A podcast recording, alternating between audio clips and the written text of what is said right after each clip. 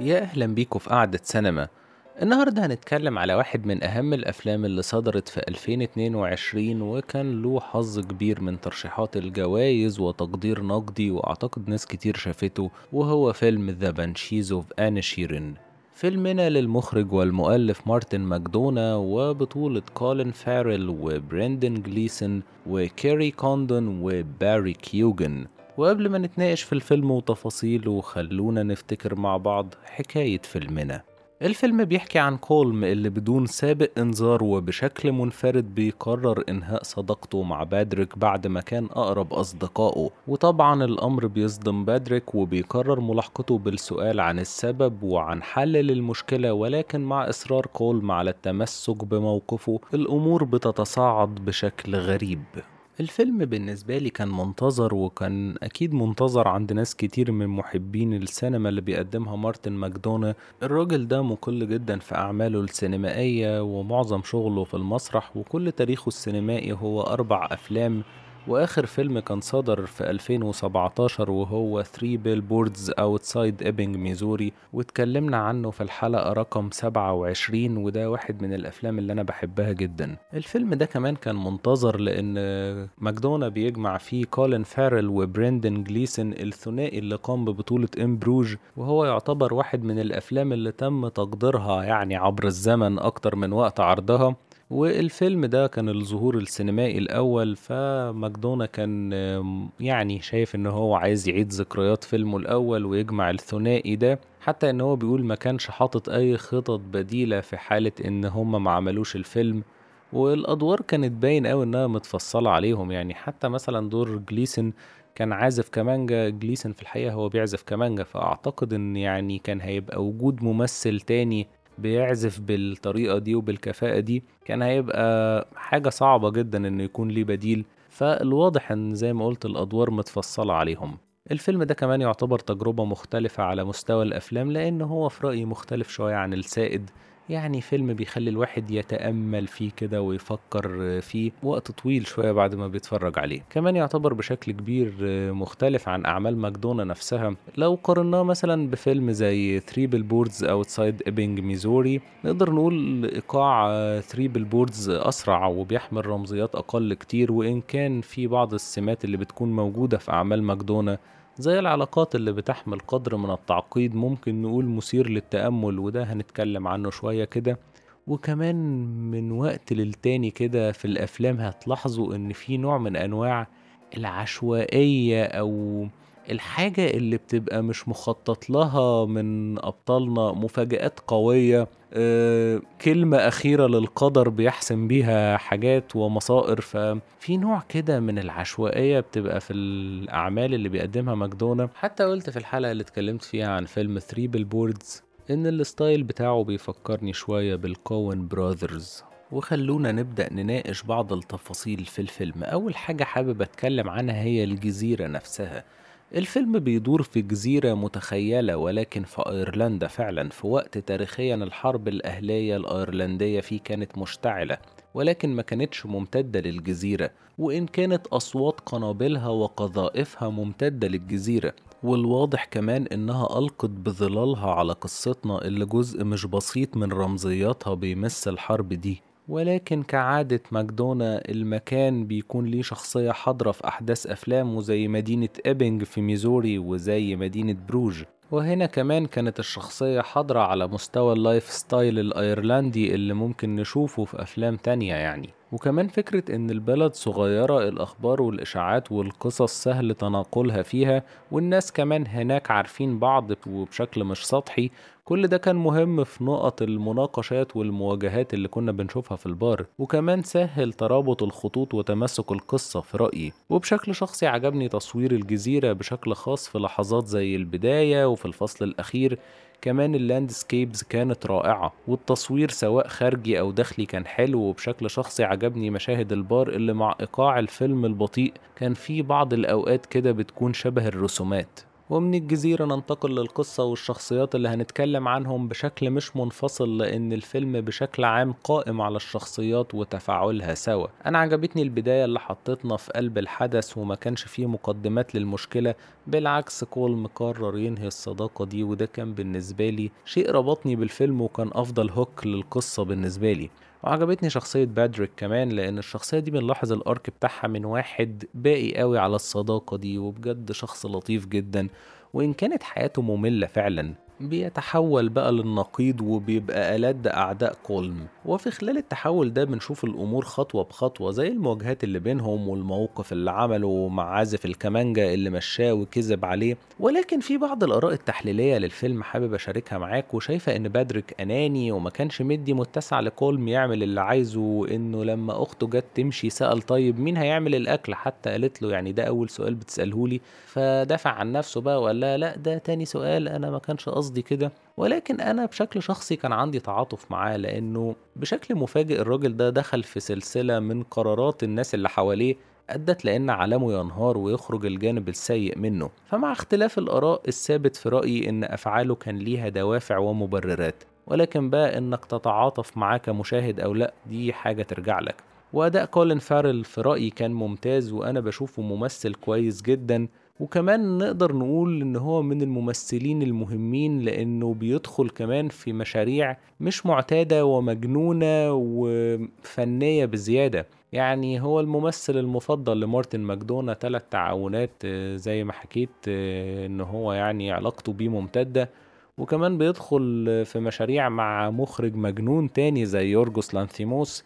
واحد من المخرجين اللي تجاربهم غريبة. عمل معاه فيلم زي The Lobster وعمل معاه The Killing of a Sacred Deer واحد من أكتر الأفلام اللي مش مريحة. هو فيلم حلو أنا شفته في السينما في 2017 ولحد النهاردة مش قادر اكرر آه، تجربة المشاهدة. وأعتقد إن الفيلم ده كان أول مرة أشوف فيها باري كيوجن كممثل وكان عامل دور مش مريح بالمرة. فالفيلم ده تجربة غريبة مش قادر أرشحه لكل الناس ولكن لو حد بيحب الأفلام الغريبة الغير متوقعة وعنده تقبل إنه يشوف حاجة كده ثقيلة على النفس كده زي ما بيقولوا فأنا برشحه له. غير كده أنا مش مسؤول لأن هو فيلم في رأيي مش لكل الناس. وعلى الجانب الآخر شخصية كولم في فيلمنا كاشفة جدا للي ممكن يكون بيدور في الحرب الأهلية. هو مصمم على رأيه ومش شايف فرصة للتفاهم ولا الاستماع للآخر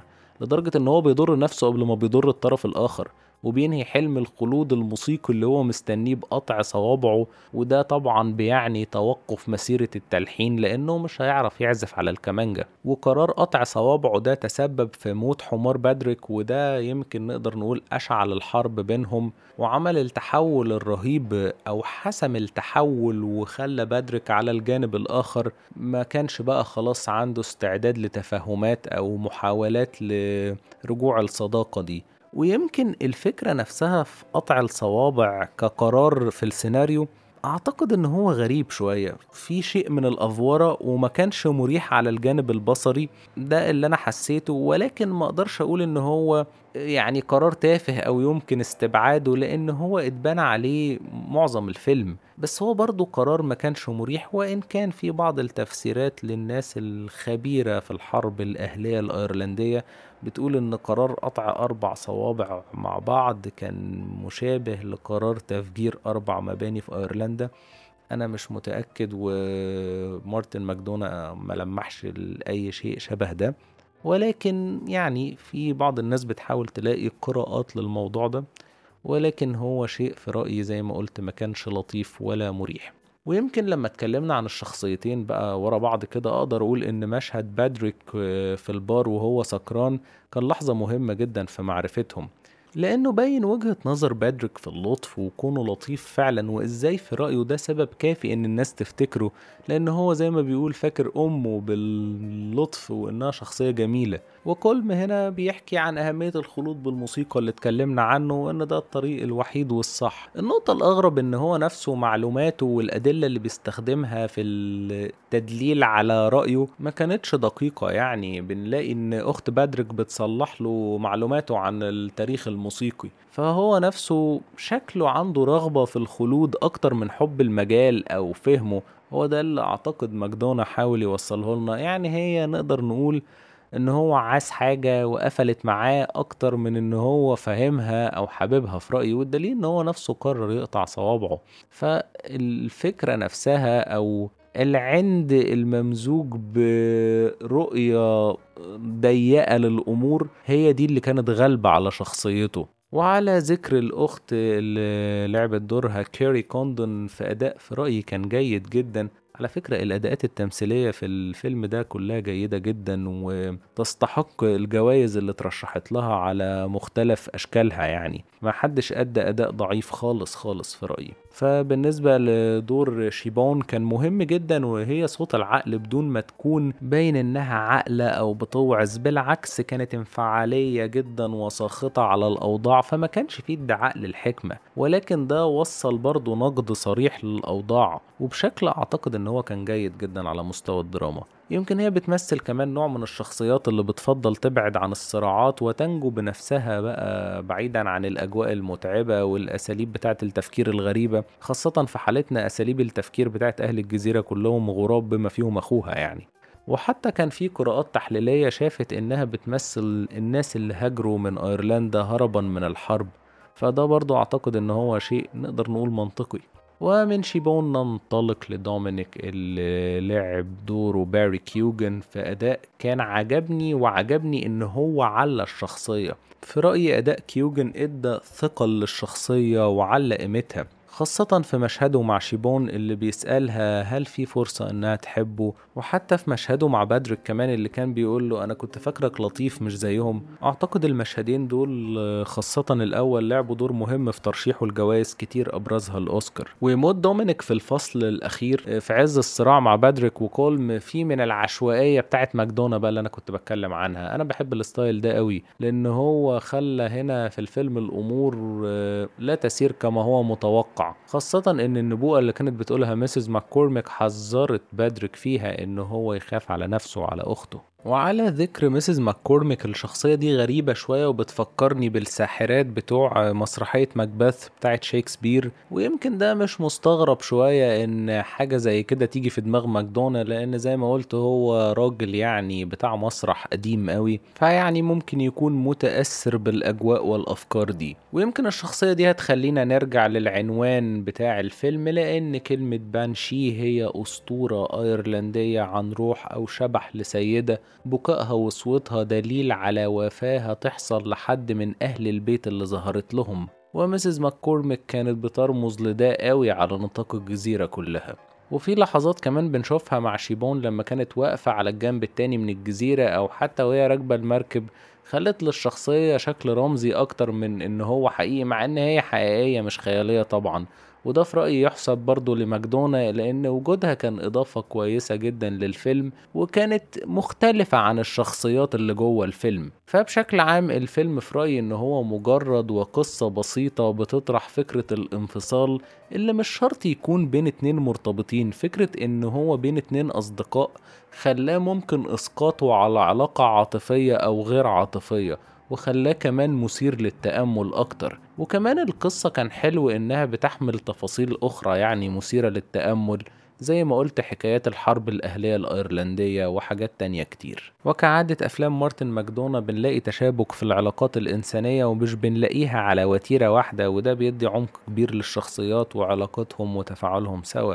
زي ما بنشوف في عز خلاف بادريك وكولم لما الظابط بيضرب بادريك بنلاقي اللي بيساعده وبيقومه علشان يركب العربية ويسوقها ليه هو كولم نفسه وده مش بيكون بداية للصلح بالعكس في نص الطريق بينزل ويسيبه وهم على مفترق الطريق وبياخد طريق تاني مختلف عن اللي بيمشي فيه بادريك. وكمان قبل النهاية بنلاقيه دافع عنه وضرب الظابط وهو بيهدده لما كان زعلان على الحمار بتاعه اللي مات. التشابك ده بيفكرني بمشهد من فيلم 3 Billboards Outside Ebbing Missouri لما كان في عز خلاف وودي هارلسون مع شخصية فرانسيس ماكدورمند بنلاقيه في عز الخناقة بيقوم بيكح دم فبيوقفوا الخناق وبتروح تطمن عليه بشكل كان مدي بعد إنساني قوي للشخصيتين دول. آخر حاجة حابب أتكلم عنها هي النهاية. النهاية يمكن اتسابت مفتوحة وكان حتى في تساؤلات في مقالات هل دي نهاية الصراع ولا بدايته؟ ولكن أعتقد من شكل الكلام إن مش النهاية بالعكس دي بداية ويمكن فكرة إن هما كانوا في بداية يوم جديد إدت إحساس للبعض إن الأمور ممكن تتصلح.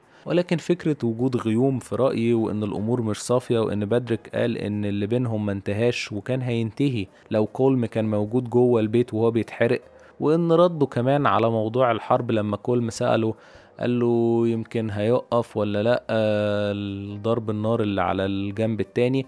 قال له لا هما مش هيوقفوا في حاجات كتير عامة مش بتتغير. فده بيخلي إن من الواضح إن الكلام بينهم بيدل إن العداوة ما انتهتش بالعكس دي فضلت موجودة. يمكن ما يبقاش في محاولات إن حد منهم يأذي التاني تحديدا بادريك بس الواضح إن خلاص في رأيي الصداقة دي مش هترجع تاني بينهم. وتظل أكتر حاجة بتؤكد استمرار المشكلة هي وجود Mrs. ماككورميك بينهم في الكادر كده وهي متصورة من ظهرها وظاهرة في وسطهم قبل ما بادريك يمشي. فيعني الأسباب دي خلتني أعتقد إن العلاقة دي صعب إنها ترجع زي الأول تاني. فلحد هنا خلص كلامي عن الفيلم. أتمنى تكون الحلقة عجبتكم وياريت اللي مش عامل سبسكرايب يعمل علشان توصل لكم الحلقات الجديدة باستمرار ونتقابل الحلقة الجاية. مع السلامة.